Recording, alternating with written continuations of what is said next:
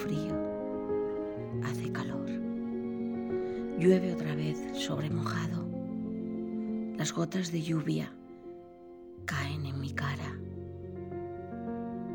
me dejo calar, son mis lágrimas que desahogan mi alma.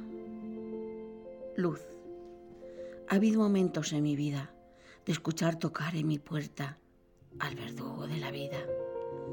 Atizaba fuerte su ruido no me dejaba pensar con coherencia.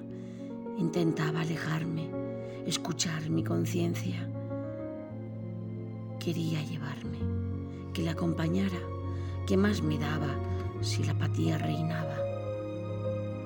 Luchas en tu interior y aparecen los fantasmas.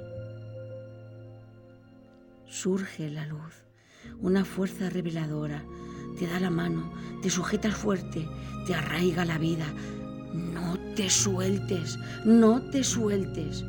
Hay tanto por hacer, hay tanto por vivir. Amor natural.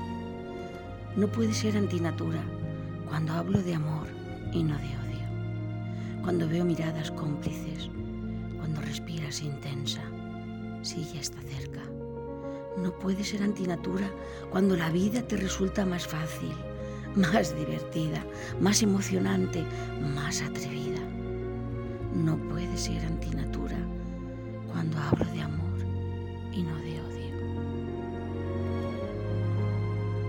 Ay, amor, ay, amor. Hay días que necesito tus abrazos, tus besos en mi mejilla, rozando con intención mi boca.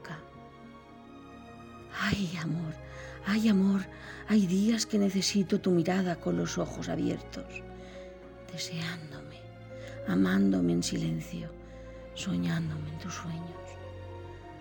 Ay, amor, ay, amor, hay días que necesito tus abrazos. Ay, amor. Paisaje. Un cielo azul, transparente, cristalino. Un paisaje extraordinario. Una música que entra por los poros. Una copita de vino amenizando la vida. Qué bonita es la vida para saborear, para sensibilizar, para viajar, para descubrir nuevos mundos, nuevas gentes, dejarte seducir por ella. Viva la vida.